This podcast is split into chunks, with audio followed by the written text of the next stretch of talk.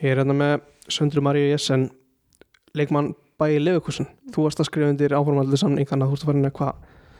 annað og hálfa tímabilið? Já, ég sem sagt er búið með eitt og hálft tímabil með Lefukusin og var að skrifa undir samning fyrir eitt sísoni viðbót og það stóð myndi búið að gera tveggjara samning en ég vildi byrja á einum og eins á samning og ætlaði síðan að taka stöður eftir það en er alltaf mjög ána með þess ákvörun Þegar ég náðu að halda ykkur svona uppi Já, þetta var svolítið tæft svona í restin er þetta ekki annað ári í rauð sem þetta er svolítið tæft? Já, þetta var mjög tæft og þetta var uh, síðustu mánuðina svolítið fallbar á þetta um, Við vorum að vinna leiki svona sem fyrirfram hefði verið skrifað að við fengum núlstið út úr. Og það voru rauninni leikinir sem við áttum klálega að næla okkur í steg sem voru að gera okkur erfitt fyrir. Vist, við vorum að tapa stegum mútið liðum sem voru að falla á mútið liðum sem voru kringum okkur þannig að við gerðum þetta svolítið erfitt fyrir okkur sjálfar og þar leðandi vorum við í fallbáratu í síðustu umferðunar en annar ári raun háum við að berga okkur rétt fyrir um, já, síðustu leik. Ég ringdi þig fyrir hérna síðusta, síðustu umferðin og þá voru þið einmitt búin að gera hann markalust í aftöfli gegn neðsta liðinu sem mm. hafði ekki náð mörgum stegum Akkurat. en það stegi allavega það taldi alveg eitthvað. Já, algjörlega, við vorum alltaf eftir þannig leik uh, sem myndi segja fyrirfram verið skildið þrjú steg uh, leikur voru fyrstu viðbröð mjög niðurbrotnar og sjálfsög allir við þrjú steg en síðan reyndum við að horfa á þannig að þegar að til að allt til alls er komið gæti þetta steg verið það sem að bjargar okkur frá falli og ákveðum bara að fókusa á næsta leik sem var á móti Köln heima, það var það að vera sigur. Og þegar upp á staði var þetta stegi sem held okkur uppi þannig að við erum alltaf sátta með það. Og komst aðeins inn á þessu spjalli að þið voru kannski ekkert frábæri þegar stjórna leikum Nei, máli er sko okkar styrkleiki er svona um,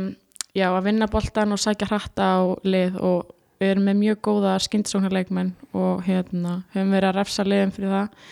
En í einmitt þessum leikin sem hefum verið að klúra erum við kannski liðin að setja sniður á mót okkur og láta okkur spila hluti boltanum. Og við þurfum bara þurfum að æfa það, við erum ekki nógu góðar í því, við erum vanar í að þurfa um, já, spila sterkar varnarleik og sækja hratt. Og þess vegna kannski gekk okkur ekki að vel í þessum leikum og við hefðum þurft á að halda og vorum ekki að fá þessu mörg stig og ætliðum okkur úr þeim leikum Þú semur hérna við bæjar Lefukursun eftir tímanbíl 2018 við Þór Káa uh, hefur eitthvað mikið breyst hjá félaginu síðan þá, eða veist, hefur upplifur einhverja svona einhverja framþróun hjá bæjar Hjá Lefukursun um, Ég veit bara að það er rosalega mikil metnaður hjá liðinu og það var það sem að heitlaði mig mjög mikið við Lefukursun ég er hálfu þjóðveri og var alltaf mjög spennandi að fara til Þýskalands og hérna það sem að mér fannst mest heilandi við Lefukursun var bara umgjörun er náttúrulega bara upp á tíu. Við stelpum að græðum rosalega mikið á því hvað kallaboltin er góður, hvað lefugur sem strákanir eru góður og ég vildi bara koma mér í þannig umhverfi að ég gæti beitt mér sem uh, íþróttamæður og það er allt til alls þarna. Og já, eins og ég segi bara leiðið mér rosalega mikið metna, það er búin að sækja mikið af leikmönnum og þetta er svona bland af erlendum leikmönnum, landslisleikmönnum frá uh, mörgum þjóðum og síðan er þetta svona yngri ferskari leikmenn hjá, frá Þískalandi sem hafa kannski hafa ekki verið að fá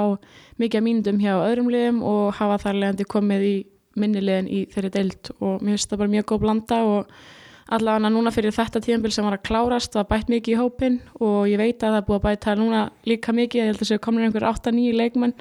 í hópin þannig að það, bara það eitt og sér sínir að það er hugur og hungur í leðinu og við ætlum okkur einhverja hluti í næsta rísum Þetta er áhugaður punktur að hérna, ég spjallaði eins við Önnubjörg líka á meðan hún var hjá PSVaf að mm. hún segir frá því að liðin sem að eru með góða tengingar á milli kvenna og, og kalla liðana mhm. munu græða á því er einhver, mikla tengingar á milli hjá lögkursun? Sko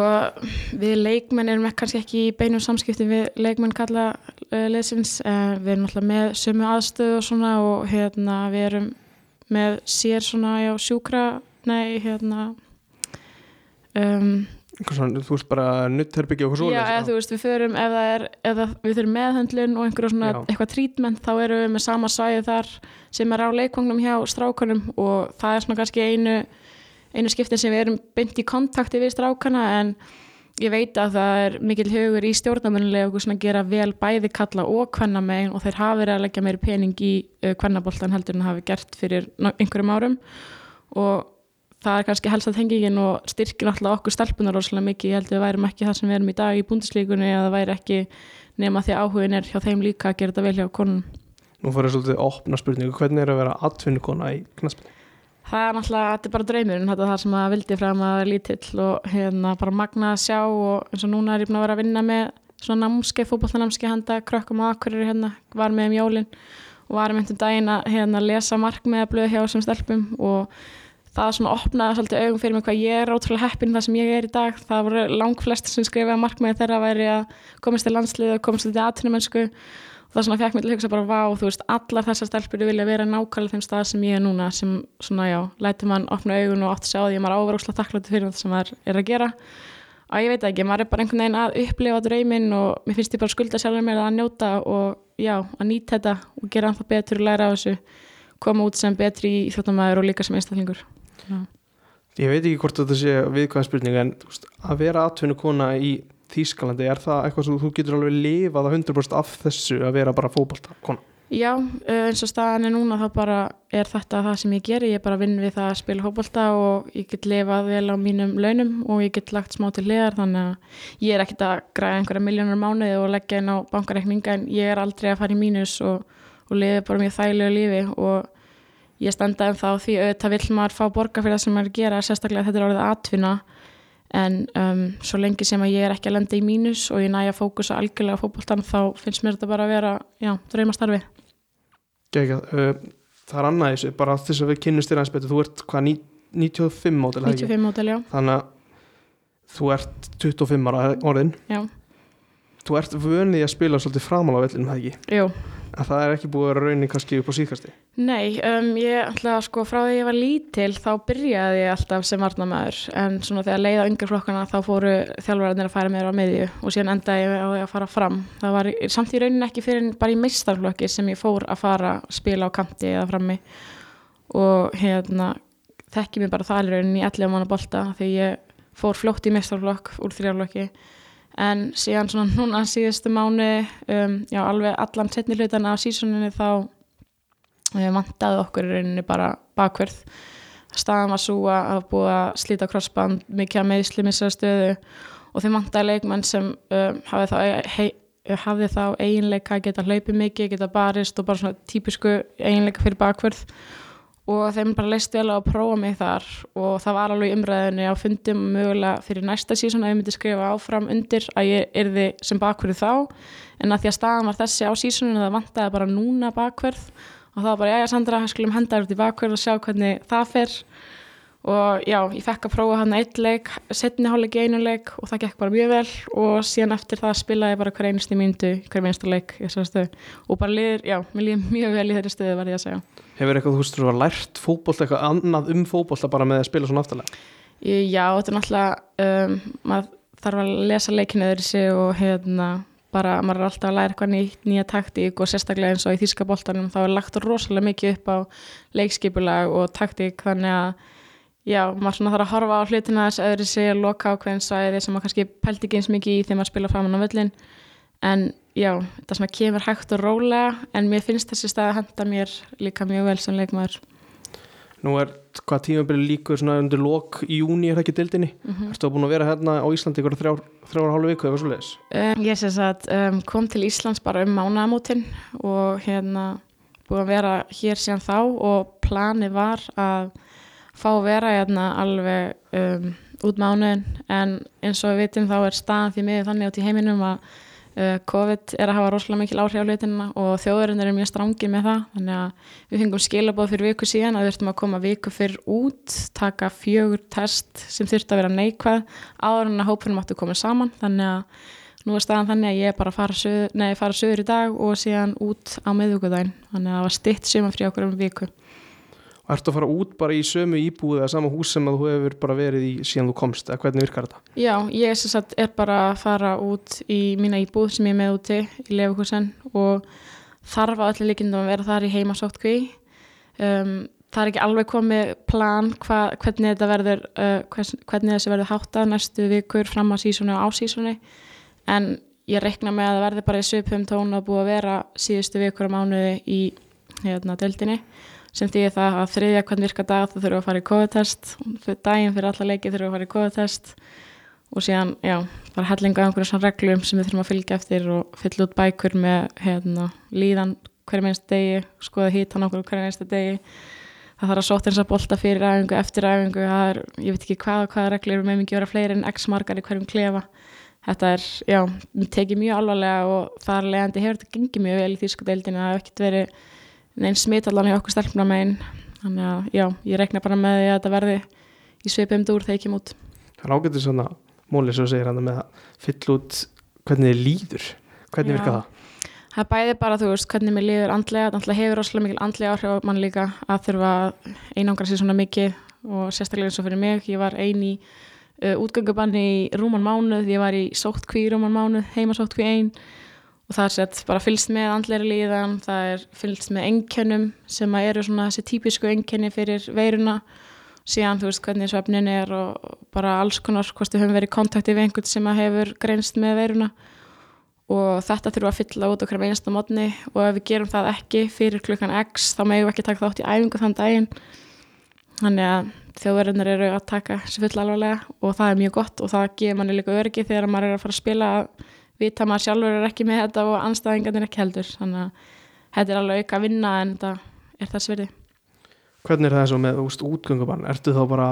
að panta allt sem þú þarft heim til og farið það bara sendt fyrir utan dyrnar eða? Þetta er ekki svo gott. Í rauninni, um, rauninni var þetta þannig í Þískalandi að hvert hér að var með um, sérreglur og svona og bara í lefukusin hjá mér var útgöngubann það þýðir ekki að vera í öllu landinu en hjá mér var þess að þannig að um, ég mátti fara út í göngutúr. Ef ég væri hinn típiski borgari í lefukusin, mátti fara göngutúr einu svona dag. Uh, þú mátt fara að versla af því að það er nöðsynlegt, þú mátt sett fara að versla þú mátt fara upp á sjúkrahús og þú mátt þetta lækni. Það er það eina sem mátt gera auðvitað daginn. En við sem leikmenn lefukursin fengum ekstra leifi til þess að æfa. En uh, máttum bara gera það einar. Þú veist ég þurfti að fara ein út að hlaupa og ég mátti ekki vera að leika mig bara út til mig bolta, ég þurfti að vera á reyfingu og og ég mátti ég þurfti að halda einum og halvum metra fjarlæð við alla en já, síðan var maður bara inni restin af deginum þannig að þetta var ekkert rosalega spennandi tímar en ég svona allavega persónulega nýtt innan tíma rosalega mikið bara alltaf að bæta mig, hugsaði mjög vel um, um líkamlega og andlega helsu, æfði rosalega vel, æfði mei, hvað meira held ég, heldur en fyrir COVID og já, bara lærði ímslegt af þessu og þetta var mjög erfitt, maður var mikið inni og mikið að feista með fjölskyldavinni. Hvernig, þú veist, hvað er það sem þú gerir þegar þú ert ekki að æfa? Ertu þú bara að horfa á sjónvarpið?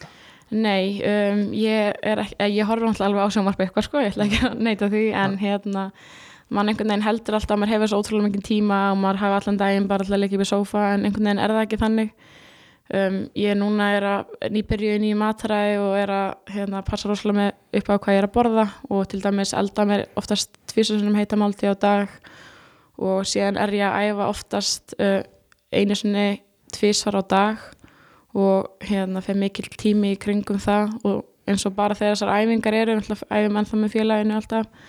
þá ef að mæta 45 minnir fyrir æfingu síðan þarf ég að koma á æfingu, þetta er ykkur hálftíma því ég fyrir að hjólu út um allt aðna og síðan er æfingin upp í tvo tíma, síðan þarf að fara styrtu þar síðan að bara ein æfing getur tekið fyrir mig upp í fjóra tíma bara frá því þegar að heima náttúrulega ég kem aftur heim og síðan er alltaf rosalega duglega að hafa sambandi fólk heima bara og mikið að FaceTime og sérstaklega svona á sem COVID tíma og já, ég er að vinna í mjög skemmtilegum verkefnum með um, bara já, hérna frá Íslandi. Ég og bróðum minn erum að vinna mjög skemmtileg verkefni sem kemur út vonandi setna árunu þannig að ég hef alveg nóg að gera það ekki þannig að ég liggi bara heima og mér leiðist. Ég hafði aldrei þá tilfinningu sem er rauninni mjög gott með að hvað var mikið inni á COVID-tímun Máttu ekki, þú veist, gefa upp hvað þetta er sem þið er að vinna, eða, þú veist, um hvað snýst? Uh, nei, uh, ekki beint en það tengist svona, já tengist fótbolta, það tengist líkamlega andlega helsu og þetta á að nýtast almenningi, get sagt það Líkanlegur og andleiri helsa, það tengir svona aðeins inn í það sem ég búin að ræða við það, ég ætla að spyrja út í námi, háskólanámi Já, Þú varst í sálfræði, það ekki? já ég með uh, BS í sálfræði Og þú tekur það, tekur það alveg bara hérna í staðnám og akkurir eða er eitthvað fjarnám í þessu? uh, Sko, þetta er, þetta er það er búið að taka þetta sem fjarnám og ég skráði mig frá upphau í fjarnám í þetta nám vegna þess að ég veit aldrei hver ég verði eftir hálft ár eftir ár. Um, mestan hlutan á náminu var ég bara á Akureyri ég var að spila með Þórká en þá en um, síðast önnina kláraði ég sér í Þýskalandi og kláraði námi þar. Misti meðal annars af útskriftinu minni þar sem að, maður var úti. En hérna, já, ég sér sett tók mestan hlutan bara á Akureyri en Hefur eitthvað náða að nýta þér þetta nám? Það er kannski þú veist augljóst að þú hefur eitthvað með en eitthvað sem þú getur tengt við bara þinn fótboltaferil og hvernig þetta hefur verið hjá þér undanferðin ár? Já, sko, ég hef náttúrulega nýtt mér þetta mjög mikið persónulega bara sjálf, þetta hefur hjálpað mér að uh, horfa hlutuna með öðrum augum og bara kenna mér að takast ávilið til öðru sig uh, ég hugsa rosalega mikið um allt sem ég geri, af hverju ég gera hlutina og, þú veist, ef mér líður svona af hverju líður mér svona, hvernig get verða betri einstaklingur, betri íþróttamæður þannig að mér persónulega hefur þetta nýst rosalega mikið en með BA í sálfræði get ég ekki kallað mig sálfræðing þannig ég hef ekkert verið að nýta mér þetta í vinnu eða neitt.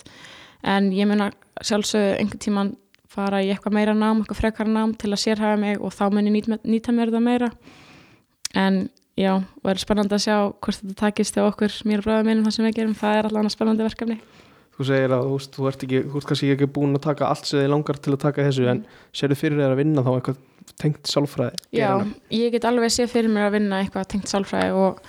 ég var með það markmaði þegar ég byrjaði að náma, mér langaði að fara í íþróttasálfræði, mér fannst það mjög áhugavert og um, Sigur ekki þjálfaði mér náttúrulega í landsliðinu þegar ég var hann á 17 átörnara og hann svona síndi mér ákveðin vingil á hugsanrátt sem að mér fannst mjög aðlæðandi og kendi mér rosalega mikið og hann var þá einn af fáum íþróttasálfræðingum sem voru til á Íslandi og það var svona kveikina að ég hafði áhuga á sálfræði yfir höfuð og já, skaða mér þetta nám. En síðan núna þegar maður er búin að ganga ykkur námið og kynnast um, já, mismunandi hliðum á sálfræðinu þá er alltaf meira sem er spennandi. Þannig að ég, ég get alveg séð ímestætt fyrir mér sem ég get lært meira. Það er ekkert endilega bara tengt íþróttum þannig að ég ætla svona aðeins að býða og sjá hvað um, mig virkilega langar að gera áður en ég fer í eitthvað nám frekara þá var það aftur að þessu sagður án með líkanlega þáttin og svona mataræði mm -hmm. þess að ég, ég veit hvað þú ert að gera í mataræði en hvað mm. getur þú svona sagt öllum öðrum frá því hvað þú ert hvað, hvað hefur breytt, hverju hefur breytt sko, um, síðasta síðustu tíu mánu þá hef ég til að mynda ákveð að taka alveg út kjött og hérna já, og reyna að minga mjölkverur og mér langaði bara að sjá til að byrja með hvort þetta væri eitthvað sem að hendaði mér alltaf henda sem hendaði mér, hendaði kannski einhver, ekki einhverjum öðrum. Og fann bara það að mér leiði miklu betur því ég var ekki að borða kjöturur og mjölkurur búin að minga það allar með mjölkururna mjög mikið. Og hérna fór bara að sjá hvað mataræði get gert mikið fyrir mann. Bara líka með andlega helsu og alltaf fyrst og fremst með hérna, líkamlega þáttinn. Síðan fyrir um, hvað ég segja þremi mánum, þremi mánum þá hérna, langaði mig að taka þetta á næsta level og var farin að sjá, veist, það er rosalega mikið fólki sem búið að taka sig á núna síðustu mánu, þetta búið að vera mjög erfitt og, og ég svona fór að skoða, ok, hvað get ég gert, um, mér langar að toppa sem íþróttamæður, mér langar að náða mesta úr mér sem ég get og spurði bara forvittnislega, hafði samband við um, þekktan Inga Torfa spurði hvernig hann var að hvernig, hvernig hans nálgun á matræði væri og, og ég var svona aðs að fóröndnast og ég var ekki alveg samfært hvort ég vildi þetta hvort það væri eitthvað fyrir mig að vikta og mæla nákvæmlega það sem maður er að borða allan daginn allan dag en hann einhvern veginn náða að samfæra mig að prófa að gefa sér sjens og ég geri það og bara síðan þá er ég búin að ná rosalega miklum árangri og hérna bara mér líði miklu betra, betur líkamlega andlega og eins og staðan er núna þá ætlum ég að halda því áfram því ég kem aftur út núna Hefur þetta eitthvað, þú talar um líðan líkamlega og andlega mm -hmm. en hefur þetta eitthvað, þú veist, ertu eitthvað líka eitthvað að hugsa um eitthvað að bæta við vöðvum eitthvað svo leiðis? Já, algjörlega, sko alltaf var fyrst og fremst gert fyrir fótboltan og hérna og ég er að mæla mig vikta mig hérna dælega og er að taka og sjá mun á líkamsbyggingu, á vöðamassa á 40% og svona og ég er búin að sjá mikla framfærið því og þetta virkar mjög vel fyrir mig allavega færsónulega þannig að uh, og líka bara ég finn það á vellinu við hópallanum bara ég er miklu orku meiri og ég næ einhvern veginn að draga miklu meiri úr sjálfur mér. Og hérna eins og ég segi eftir að ég byrja að vinna með honum þá bara gengur allavega hlutinni mjög vel í hópallanum þannig að ég tengi þetta bara við um, góðan árangur og hérna já það er svona sé ég ekki aðra ástæði til þess en að halda áfram með þetta því ekki með þrút núna skilji uh, Ingi Tóri frændið, hann er náttúrulega rætt þetta oft við mig sko, hvernig mm. þetta er ég hef mm. aldrei farið í þetta prógram en það er stittist í það uh, hvernig þú veist þegar þú ert að fara út núna mm. sem segjum bara að þú ert að fara út sem bakverður hvernig, hvernig lístir það upp á kannski framtíða mögulega, ert að hugsa um að fara næsta skrif, eitthvað annar lið eða ertu bara að horfa þetta eina tímabil? Sko, ég kýsa að horfa bara á það sem ég er að fókusa á núna og það er bara það sem ég ætla að gera þetta síðan með leikusin. Það er markmiður og draumur en að fara ennþá starra og ennþá lengra og að ná að festa sig almennilega í sessi í landsliðinu og svona. En ég vil bara horfa á þannig að mér finnst besta fókus bara það sem ég er að gera akkurat núna. Ef ég gerir vel það sem ég er að gera akkurat núna þá veit ég að það mun skila árangri og ef að svo er þetta fyrir vel og ég fá tilbúið frá hverju spennandi lifum þá mun mann alltaf skoða það en ég vil bara byrja að fókusa á sísónu núna. Þín, teist, þín tenging við Þískaland kemur þetta greina að þú búir þar eftir fylgin? Sko ég myndi talja það mjög ólíklegt. Ég náttúrulega er halvur þjóðveri. Um, pappi minn er þýskur, mamma og pappi kynntust í Köln sem er bara eins og Kópáður Reykjavík hérna í Þískalandi og hann að ég á alveg svona sterkar tilfinningar og tengingar hérna í nákvæmnu og það er óslega gaman fyrir mig að búa á þessu svæði núna og fyrir mig og pappa að koma að heimsækja mig. En ég held samt einhvern veginn alltaf að hugurinn leið til Íslands, ég held ég mér alltaf enda á Íslandi aftur, það var bara spurning hvort það verði fyrir norðan eða fyrir sunnan Mart sem þú kannski upplifa á þínu ferli þó að sé, mm. hann, ég tala eins og það sé ótrúlega langur, hann er ekki búin að vera það langur en þú veist, sérðu eitthvað þú veist á þessu tíum það er langir til að þjálfa, þú er búin að vera með eitthvað svona námskeið Veist, sérðu fyrir það er langið til að vera einhvern yngri flokka þjálfur eða eitthvað svoleiðis? Sko, þegar ég var að spila með Þórka uh, þessi fimm sísum sem ég tók með Þórka þá var ég allan tíman að þjálfa annarkvært fyrir Þór eða fyrir Káa og var með þess að aðstofa við annan flokkin eitthvað smá þannig að það kýtlar alltaf að fá að kenna líka meira og eins og það segir búin að vera með þessi námskeið sem hafa verið hérna. Að sjálfsög er það valmöguleiki fyrir mig og ég mun alveg halda því opnu að þjálfa, finnst það mjög áhugavert. En ég held að ég tæki allavega og hafa fókusin fyrst á mér sjálfri það sem ég er að gera á minn fókbaltaferil en það er alveg goða líkur að ég maður tengi sér eitthvað inn í þjálfunina þegar að ferillinlega búin Já, uh, landslið mm. það hérna þú veist, köllu inn núna fyrir hvað var þetta ekki, februarverkefni mm -hmm. hvernig þú veist, að því að ég sé svo viðtal ári áður þar sem þú ert svona svekk svolítið svegt að hafa ekki verið valinn mm -hmm. þá Hver, hvað, veist, hvað fannst þér hafa breyst á þessu ári eða er þetta bara einhver eru bara fullt í þessu Sko, ég ætla að hef uh, myndi segja allan að bætt mér sem leikmann á þessu ári um, bara fekk möguleika alltaf að sína mig hjá hérna, landslýþjálfurannum og já, ég veit ekki hvað ég segja bara alltaf, ætti að velja nýjan hóp í hvert verkefni og það er mikið að öðrum spennandi leikmannum og svona en, en já, ég veit ekki, bara hann hefur kannski meiri trú á manni núna og ég hef búin að koma inn í verkefni mér finnst ég hafa staðið mig vel í verkefnum sem ég hef fengið að taka þátt í núna. Og bara var óhefpin fyrir þetta verkefni þannig sem var núna í hvað februar mass var nú að vera smá meitt og var ekki víst hvort ég myndi ná því eða ekki átti upphaflega að vera í hópnum. Og það var alltaf plan ég myndi ná mér fyrir verkefni þá myndi hann alltaf bæta mér inn í hópin þannig að eins og ég segi, maður bara taka hvert verkefni fyrir sig og ég veit bara ef ég er standnið vel í því sem ég er að gera í Þýskalandi þá, þá verður maður kallaður inn í hópin og ef ekki þá bara eru aðrir að standa sig vel og maður þá bara að kingja því, það eru fleiri leikmenn að standa sig vel. En mér finnst ég að vera í hópnum og ég er að gera allt til þess að halda mér í hópnum og fá meiri spiltími neyri að gera. Og ég bara bjart sína það með næstu verkefni. Þú ert uppalinn í Þóri, ekki? Já. Hvernig þú veist, hver er svona tengin er það bara búsett á akkur eða hvernig, hvernig virkar þetta? Um, sko, til að byrja með því ég var yngri hafði ég engan áhuga fólkbólta og bræðið mínu var alltaf mikið, já, mikið í bóltanum, alltaf út að leika sér. Ég var alltaf bara í femleika og sundi og dansi og eitthvað, séðan allt í henni bara fór bræðið mínu að ítaða mig að prófa fólkbólta, prófa fólkbólta, fór með þeim út að prófa. Þeir báður mjög miklu þossarar voru að æfa með þóri einhver ár, eru sett 5 og 7 árum eldri en ég. Og þá einhvern veginn fór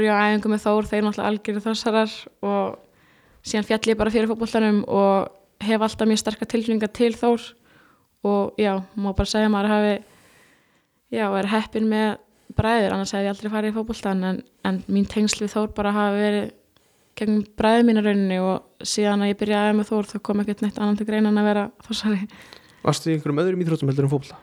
Já, ég var sérsagt í sundi í langan tíma, ég var í fimmleikum, ég var í dansi, ég prófaði einhvern tíman frjálsar.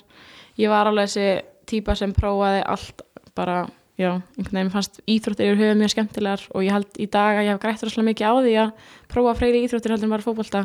Gott fyrir líka mann að fá bara svona almenna þjálfin og já, ég lang flest árin var ég í fótbolta en það var alltaf svona einhver ein íþrótt sem ég valdi mér svona með til að hafa svona til gaman. En síðan var alveg spurning, ég var mjög efnileg í fimmleikum líka og ég þurfti svona svolítið að velja á milli fimmleika og fótbolta. Og ég var að segja í dag að ég er svo feina að velja fótbolta þannig að já, ég er búin að prófa mjög mikið í íþróttum Þetta getur verið svona smá skot út í blá en hérna, þegar ég fyrir í mentaskóla þá veit ég veit, þú veist, þá veit ég ekki um hérna hver yngarflokkaði hvenna, svo kemur þú þegar ég er í öðrum bekk mm. og ég sé á þig einhverju svona innan hús fótbollamáti mm. og þú ert, þú veist, maður, maður, ég veit ekki hvort maður sé með einhverju svona fordóma eitthvað, þú veist, Mm að þar get ekki verið jafn góðar eitthvað, en mér fannst þú eiginlega bara að vera betri en fullt af strákur manna hvað þú veist, hva, að þú nefnir að þú hefur grunn kannski úr öðrum íþróttum. Mm. er eitthvað þar sem þú heldur að hafi hjálpað þér að vera kannski framúrskarandi á bara mjög ung í fólkla Já, algjörlega, sko, ég held að hafa hjálpað mér mjög mikið sem bara að verða sterkari íþróttamæður í heilsinni að hafa prófað svona mikið. Og það sem ég held að ég hafi grætt rosalega mikið á þegar ég var yngri um, ég held að æfði rosalega mikið upp fyrir mig alltaf með flokkurum sem voru betri en ég og síðan var, voru bræðið mínir rosalega duglegir að draga mig með sér með sínum vinum út í fótbolta sem því að það, ég var með strákun sem voru 5 og 7 árum eldir niður út í fótbolta á sparkvelli bara 2-3 sem í viku. Og það var ekkert annað en búið þar en að sína hörku og já, spila bara alvöru fótbolta. Og hérna held að það hefur svona ítt mér svolítið mikið áfram og, og já, bara hjálpa mér að vera framúskarandi á mínum aldursflokki Þórká verið Íslandsmyndstari árið 2012 mm hvað ert þá búin að spila mikið með Þór í mistarflokk Það er annað sísónu mitt með, um, með Þórkáa og í rauninni fyrsta sísónu mitt sem ég spila sem kantmaður. Fyrsta sísónu mitt í mestarlokki var ég bakhverjur að miðjumæður þannig að það var bara svona fyrir það sísónu bara svona æg hendið mig fram okkur vantar einhvern sem getur löpið fram. Og einhvern veginn bara smell passaði það allt saman og þetta var bara drauma sísónu og geggja að þingja að taka þátt í að fyrsta Íslandsmeistaratillinu Þórkáa. Það var bara, já, gaman. það getur verið svona óvænt kannski spurning það er 8 ár síðan er eitthvað svona þú horfir tilbaka af hverju í því liði gatt Þórkáa verið nóg gott þess að verða Íslandsmyndstari Um, mjög góð spurning, mjög erfitt að svara um, ég myndi bara segja að þú veist, á þessum tíma þá vorum við með mjög sterka útlendinga Þórka hefur alltaf verið þekkt fyrir að er með góða útlendinga og um, það var bara svona góð blanda af hérna, sterkum útlendingum eldri íslenski leikmönnum alltaf Rakel Hönni var ennþá í Þórka Arnarsi var aðna, við vorum með marga sterkar leikmenn, Katrin Áspjus var aðna Þórildur Ólafsdóttir og síðan vorum við með svona litla kjúklinga eins og mig og Láru Einars sem er ennþá í Þórkáa, Heiðragni sem er ennþá í Þórkáa ég held að það verið bara já, góð blanda í hóp og síðan held ég bara hugafarið í þjálfarum og leikmannum hafa bara verið við ætliðum að gera þetta. Og það hafði einhvern veginn engin trú á okkur fyrir tímanbíl okkur var spáð, ég veit ekki hvaða sæti og við töfum öllum leikjum í undirbúinstímanbílinu, það var allt leitt allt mjög illa út eins og leið og síðan byrjaði það bara vel passaði allt. Ég veit ekki, ég held að bara hafa komið öllum svolítið óvart, kannski okkur er líka smá. Áhugavert mitt að tapa öllum leikjunum á undan og vinna svo móti Já, sko. það er svona ekki, ekki venjan en nei, það svona gerist uh, sjaldnar, svo 2017 mm þá ert þú komin í, þú ert þú búin að leikil maður ert ekki úr já, hvernig, hvernig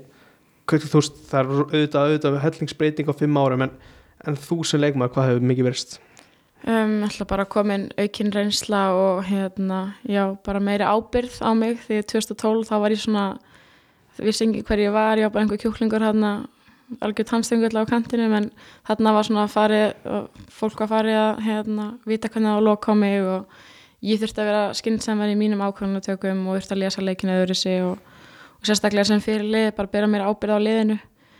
En bara já, fótbollin alltaf Íslandi líka bara orðin betri á þessum tíma frá 2012 til 2017 þannig að bæði ég sem leikmaður og bara liðið mitt og deildin yfir höfu var betri þannig að sjálfsögðu varum bara að læra helling. Og já, bara geggja að hafa náð öðrum Íslandsmyndstarðilli það hefur ekki verið jafn óvænt kannski á 2012 Nei, ekki jafn óvænt. Um, við vorum búin að vera hérna í topp hvað fjórum í einhver mörg ári röð og já, okkur svona oftast spáð þriða sætinu og alltaf valur að breyðablög fyrir ofan okkur. Þannig að já, kannski koma óvart að hafa inn í þetta sísón en, en hérna, Donni náttúrulega mættir á svæði fyrir þetta sísón og hann bara stimplaði inn í hausna manni að við vorum miklu betur allir aðrir. Og einhvern veginn hugafarið breyttist þannig að varð meira úr líkamlega getinu í okkur og fótballlega getu. Bara smelt passa allt og unnum aftur. Svo er það hérna EM árin þegar að þú ert, Mhm. þú lendir í hvað tvísveri korsbandamisli Ég er búin að sliða tvisa krossmann, já. og hvernig er það að koma tilbaka og byrja bara aftur Það er alveg rosalega erfitt og það er mjög áhugavert fyrir mig sem sálfræðingur að þú veist ég er búin að læra að taka, eða þú veist ég ætla ekki að segja ég er búin að læra að takast á við nákvæmlega þetta en ég er búin að læra hvernig maður á að takast á við mótlæti og hvernig maður getur nýtt andlega styrk til að flýta fyrir eins og svona endurhæfingarferli og þetta er náttúrulega svaka ferli að fara í gegnum en að lenda í því síðan á EM ári bara á því ári að slíta crossband uh, var alltaf rosalega mikið sjokk ég á komin í mjög gott stand uh, vorum held ég á hérna Algarve móti og ég fekk að byrja inn á og allt það og leit bara mjög vel út og var mjög bjart sem fyrir að fá að spila eitthvað með á EM lendi sér niður að slíta crossband. Mikið sjokk, mikið sjokk og ég kem heim og hérna pínu heppin ef við getum sagt það að það hafi verið sko aftara crossbandi sem ég sleit. Þarf ekki að fyrir aðgerð en það er alltaf best að fyrir aðgerð á þetta lag en ennþá í dag spila ég með slítið crossband og hérna fór beint til lendi á Íslandi til skurðlæknisins minn sem að skar mig upp þegar ég sleit fyrst crossband og hann sagði mér samt að þetta, þetta gæti verið verra en það er möguleiki. Og ég svona já ok, er, er í alveg möguleiki að ég gæti tekið þátt á EM? Einhver möguleiki, hann er eitthvað svona já þú veist það er en það er mjög lítil og það má ekkert gerast upp og það má ekki koma neitt bakslaga neitt. Og ég var bara leið og ég heyrði að það var einhver möguleika þá greip ég það. Og ég sem mikil, já, típa sem að pæli mikið í svona andlinn hlutin tók það bara og nýtti það fyrir hvern eins og það ætla að peppa mig ætla að fara æfingu, ætla að hugsa vel um það sem ég væri að gefa í endurhæfingaferlinu og bara gerði allt rétt, var mjög heppin með hérna, gengi ekkert bakslag og náði að spila einhverja nokkra leiki áður en að það var tilkynnt hópin fyrir EM og þegar ég sá nafnum mitt þarna með hópnum þá ég held ég hef aldrei stolt af einhverju sem ég gert á þessu endurhæfingaferli og já, bara dreymir að fá fara með á EM og síðan það að fá einhverja mínútur á EM þannig að það var erfitt, skemmtilegt en lærdomsvíkt mikill bara sigur fyrir að það var bara mikill persónulegu sigur og hérna að sjálfsögðu hefði maður virkilega svaktur ef maður hefði ekki ferið með en þá vissi ég allan að ég hefði gert bókstálega allt sem ég gæti þess að komast ánga en eins og segi, þegar maður er búin að leggja mikið á sig og maður fær velun fyrir það þá vil maður, eða þá er maður meira tilbúin til að gera aftur ef maður lendir í einhver aftur setna en aftara crossbandi, hvernig þú veist þessu í dag hvað hefur þetta ykkur áhrif? um, aðeins minni stöðuleiki í nýjunu um, ég bólina stundum upp eftir leiki eða eitthvað en sem betur fyrir finn ég lítið fyrir þessu í leikjum og æfingum þannig að það hefur verið að hamla mér mjög lítið. Og stefnan er bara ef ég er góð þá ætla ég bara að spila svona út ferilinn og kannski láta laga þetta fara ég að gera eftir það þannig að maður verði ekki eins og ég veit ekki hvað þegar maður er færtugur sko. En það er betra að vera með bæði crossbutin en þetta er allt í góð ég get alveg spila svona. Já, uh, aftur til fórtíðar 2012, mm er það ekki svona þitt svona landslis ár eða er ég að rugglast, er það 2013? Það er 2012 myndi ég Já. segja. Ég er sér sett, var alltaf bara 17 ára gömul og var ekki sem láta mig þetta í hug að fara að spila með landsliðinu strax eða sjálfsögðu var það markmið frá maður yngri. En var séðan óvænt kölluð inn í hóp þegar að liðsfélagin minn Katrín Áspinsdóttir mittist. Og bjóst einhvern veginn ekkert við því að vera í hóp. Við vorum alltaf 23 svona valdar í verkefni bara átján í, á leikskíslu fæsir sett óvænt að fréttir ég er þið með eina átján. Og held bara svolítið að það væri svona að vera að velina mig fyrir að staða mig vel á æfingum og fá að vera með á bekknum. En fæ síðan að koma inn á þeim leik og næ einhvern veginn að skora með minni fyrstu snertingu í minni fyrsta leik. Og náttúrulega bara, já, eins og að lesa af einhverju bók, þetta var einhvern draumur fyrir mig. Og já, síðan spilaði ég annan leik hérna nokkru mánuðu setna að skora aftur með fyrstu snertingu minni þar. Var einhvern veginn öll heppni var með mér og það vildi allt fara inn, eða þú veist, það gekk mjög vel. Og Siggi Raggi einhvern veginn og ég sagði það áðan, veist, hann var hendaði mér mjög vel. Ég náði að tengja mjög vel við hann hann hjálpaði mér mikið þannig að þetta ár varð einhvern veginn bara mjög, mjög gott og mjögulega mitt besta landslýsár eins og er núna eins og staðan er hér, já. Þú horfir svona tilbaka á 2012 Íslandsmeistaratitil og þessi landslís landslísævintýri, þú veist, er þetta eitthvað svona sem að þú veist ekki, þetta er ekki eitthvað kannski að hærs hápunktur en þetta er svona eitthvað sem þú getur verið stolt af. Þetta er klálega eitt af því, þeim árum sem að ég mun alltaf allan að mun eftir. Mm -hmm. Maður var alltaf svolítið mikið bara algjörlega nobody fyrir þetta tíðanbila að vissi enginn hver maður var og eins og margir segja oft, stundum er gott að fara út í eitthvað þegar er litla vendinga til manns, engin pressa, engin veit hverju þú ert. Þannig að þegar þú gerir eitthvað vel þá er allir bara svona wow, þú veist, það er gett mikið lof fyrir allt sem þú varst að gera. Svo, svo þegar líður á árin þá er gerða meiri vendinga til manns og kröfur og meira sér þannig að maður er ekki að skora hverjum einsta leik þá á maður lélanleik, þú veist, það er alveg líka arfitt að takast á við það, en þarna var maður svolítið bara svona enginn og enginn vissi hverju maður var og var allir mjög glæðir að sjá að það var einhver efnilegur að stiga upp og, og ég nýtti það bara og fannst geggja sem svona ungu leikmaður að fá mikið lof og gekk einhvern veginn allt upp. Þannig að þetta árið er svona, já mjög eftirminnilegt allavega og ég held að þetta sé eitt af þeim árum sem maður kannski síst gleyma. Náttúrulega að spyrja einu eftir og undan því er hérna margandi lífstíl mm. hérna áfengi og þú veist tóbak og eitthvað svona, hvað, hvernig horfður það við þér? um, Sko, ég sagði það alltaf þegar ég var yngre að ég ætla aldrei að gera þetta og, og hérna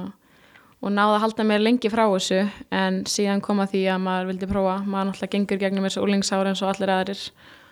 og í dag þá, þá drekk ég áfengir en ég gerir það kannski tvisasunum, þrisasunum á ári þannig að eh, ég reyna að halda mig, halda mig frá því alveg og hafa það í lámarki en,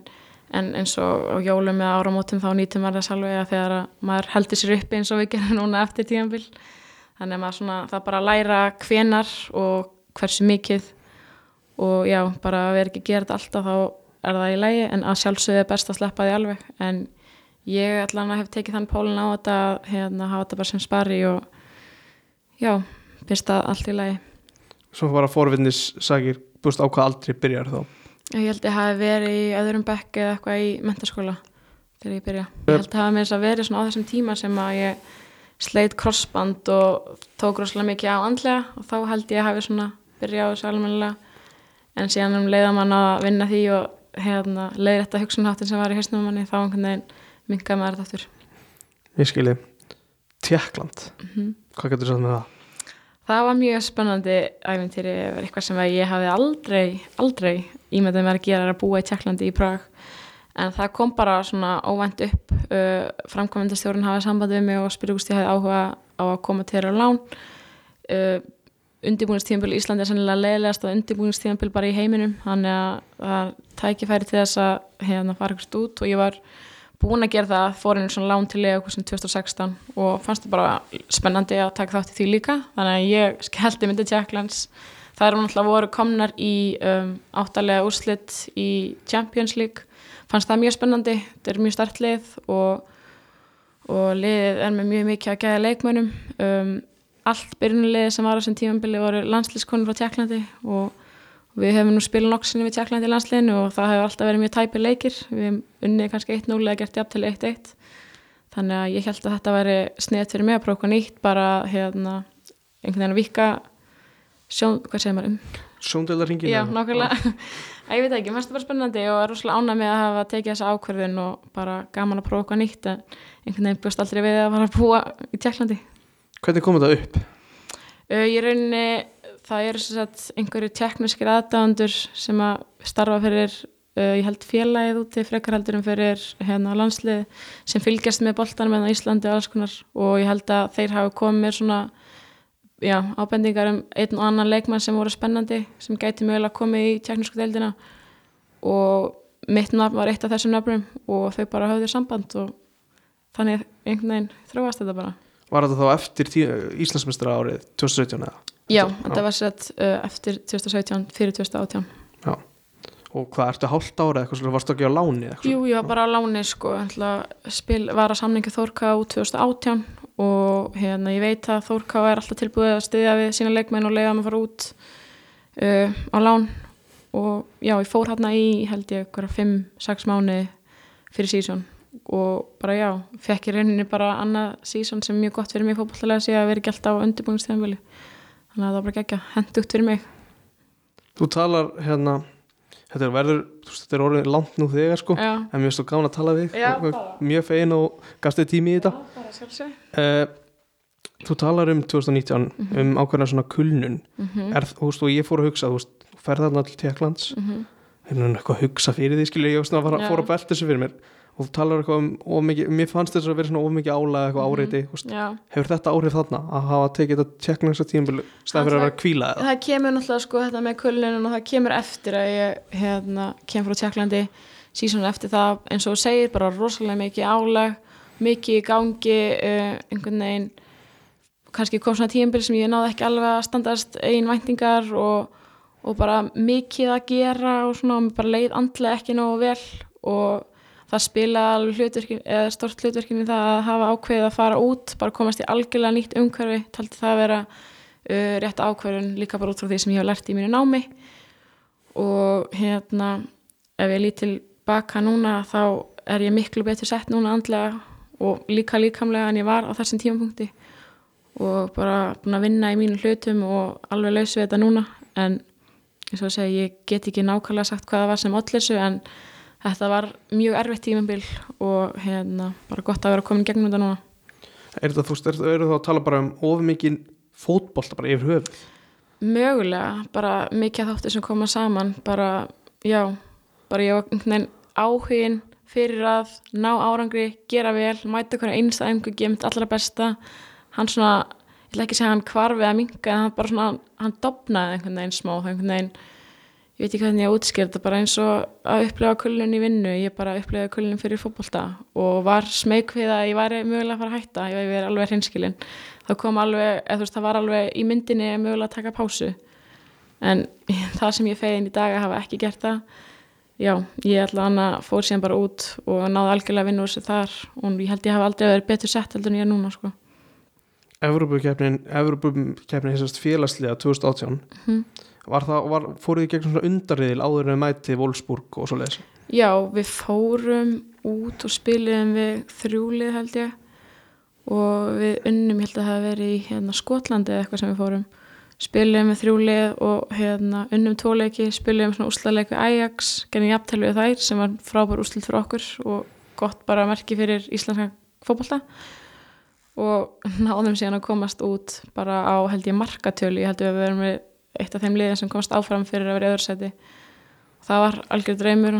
geggja að komast upp úr svo reylið þegar við vorum með Ajax og fengum enga aðra en Wolfsburg síðan í næstum fyrir þannig að það var rosalega gott bara fyrir hérna, okkur og hérna, íslenskan bolta bara að fá svona stort lið til Íslands og bara fyrir bæin akkurir þannig að það var algjörst æventýri maður sér það bara eins og með, á síðast ári þá er komið kannski meira inn í fótboltan að að sjá breyðablika móti frönsku stórliði Mhm. sko. En einmitt þessi Wolfsburg leikir er þetta eitthvað svona eitthvað sem þú finnur hann að þetta er eitthvað sem mér langar að gera oftar spila svona stóra leiki. Já, algjörlega. Hérna, ég ætla búin að spila einu svona áður í þýskudeildinni og hafði spilað á móti Wolfsburg þar að segja. Og ég vissi svona pínu hvað maður fara út í og ég bara elska að spila svo stóra leiki. Maður lifi fyrir momentin svo þessi og að sjálfsögðu kviknaði þá ennþá mér áhuga til þess að fara út og hérna, spila oftar svona stóra leiki og endaði með því að maður fór út þannig að þú komst inn á Siggar eitthvað á hann að því að ég er að velta fyrir mér hver er svona, þú veist, ertu ræður við einhvern svona sérstaklega um eitthvað, þú veist, hvað er langar að gera í fótboltanum? Er einhverju svona sem þú tekur ákvörun með eins og þú fer til Þýskalands? Já, og sjálfsögðum alltaf bara aðalega fjölskylda mín. Uh, já, tvo bræður sem voru líka sjálfur í fótbolta og hérna, þeir gefa mig góður ás sem var eins og fóreldrar mínir en síðan alltaf er ég með umbóðsmann sem að hérna, hjálpa mér rosalega mikið og er að vinna fyrir mig. Hann kemur mig upp á stungur þetta hitt og segir hvort þau galla. Hann sjálfur er þjóðveri þannig að hann mældi sjálfsögum með því að fara til Þýsklands og það sem þetta svona, já, á mínum heimaslóðum þá fannst mér þetta rosalega spennandi og umgerðum það allt, þannig að maður ræðir bara við sína nánustu og síðan við hann. er eitthvað svona fyrirmyndir í fótboltanum Já, mín fyrirmynd bara alveg frá að ég var lítil var alltaf Katrín Jónsdóttir uh, fyrir um landslisfyrirli og leit mjög mikið til hennar bara líka sem karakter, ekki bara sem fótboltakonu, mér fannst hún geggjuð alveg frá að ég var lítil, þannig að ég var mjög heppin að fá að spila hvað síðasta árið sem hún spilaði með landsliðinu. Það er einhvern veginn sem ég bjóst aldrei við að fara að gera. Mín fyrirmynd bara allt í hennu orðin líðsfjala minnan á vellinum. En já, síðan bara sjálfsögði margar, margar stórstöðnir í ennskaboltanum og svona, en ég myndi segja að hún var svona mín nummer eitt. hvernig var það fyrir því að fyrir bara í landslýsópna Katrín Sko, mér fannst ég náttúrulega bara ennþá bann þegar ég fór í landslegin, ég var svo ung og hún einhvern veginn tók mig síðan bara alveg inn eins og ég væri líka við bannið hennar, sko og það var náttúrulega geggja, var algjör dreymið fyrir mig og maður var bara með stjórnum í augunum þegar maður var með henni á æfingum og svona en ég lærði rosalega mikið af henni þetta tímabil sem ég fekk að spila með henni og hérna bara rosalega ána að fengi að spila nokkra leiki með henni. En náttúrulega bara hvað er betra en að upplega að spila með þinni einn fyrirmynd, ég held að það sé ekkit mikið meina það. Þú veist, fyrir utan það að spila í þýsku búndislíka, fylgistu með fókbalta mikið? Um, já, ég fylgist rosalega mikið með fókbalta utan, uh, fyrir utan mín, mína eigin deild og svona. Um, sérstaklega núna þegar maður er úti þá hefur maður getur maður búið til tíma til þess að leifa sér fylgja meira með og hérna komið áskrift af boltanum hérna heima og svona. Mér finnst rosalega gaman að horfa á fókbalta og fyrst í rauninni bara óskilinlegt þegar leikmenn segja að þeim finnst leiðilt að horfa fókbalta en spila sjálfur fókbalta ég er alls ekki þar, mér finnst mjög gaman og ég ger það mjög mikið og hérna til dæmis bara núna í sumafríun er ég búin að fara og ég veit ekki hvað marga fókbaltaleiki þannig að ég er rosalega Hvernig er svo bara með Þórkáa því að öll viðtöl við því enda á spurningu Þórkáa, Já. kannski mér að kenna sjálfum. Eh, veist, hvernig er að fylgjast með liðinu núna? Er þetta, veist, bara uppbyggingar ári, eitthvað unga stelpur hvernig, hvernig líst þér á þetta? Uh, ég held að sé alveg jákvæð þróun. Að sjálfsög vill maður alltaf vera í topparötu og maður vill alltaf vera með það markmið að vinna deild og svona en inn á milli þurfa bara að koma þessi tíðanbill uppbyggingatíðanbill, það þurfa nýja leikmenn að stíga upp og fá starra hlutverk til þess að um, einhverju taka við keflinu, vantalega hætta einhver tímar, einhverju leikmenn á einhverjum tímapunktum eða fara einhvert annað út eða svona þannig að ég veit ekki hvað ég var í dag að ég hef ekki fengið þetta tækifæri þegar ég var svona ung og aðri leikmenn sem voru á mínum aldrei þá. En sko eins og að segja fyrir þetta tíumbil sem er núna hjá Þórka og það voru allir rosalega svartsinir meira að segja stelpunum spáð falli á einhverjum stöðum og svona þannig að mm, en kannski erfitt eftir þetta prísísson þar sem að um, maður gæti ekkert fylgst með einhvern leikjum það var engir æfingarleikjur og svona þá var kannski eðlilegt að þeim var spáð ekkert jafngóðu gengi og undarfarn ár en, en einhvern veginn hafði ég alltaf trúið þeim og, og hérna, já, maður vill alltaf þeim gangi vel. Og ég held einhvern veginn að þær hafi bara nýtt það svolítið að þeim var spáð slæmu gengi, alveg eins og okkur var ekki spáð góðu gengi fyrir 2012 og byrjuði bara mjög stert að tveimur sigurum móti stjórninu og IPVAF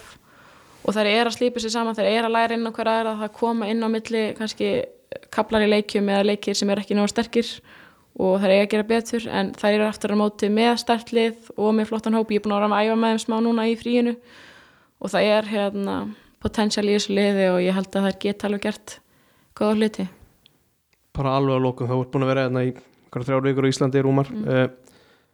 hvað hefur þið náð að gera? Þú veist, færði eitthvað verkefni frá leðukúsin þú ert að gera þetta, þetta, er það eina kannski þú ert ekki að fá COVID eða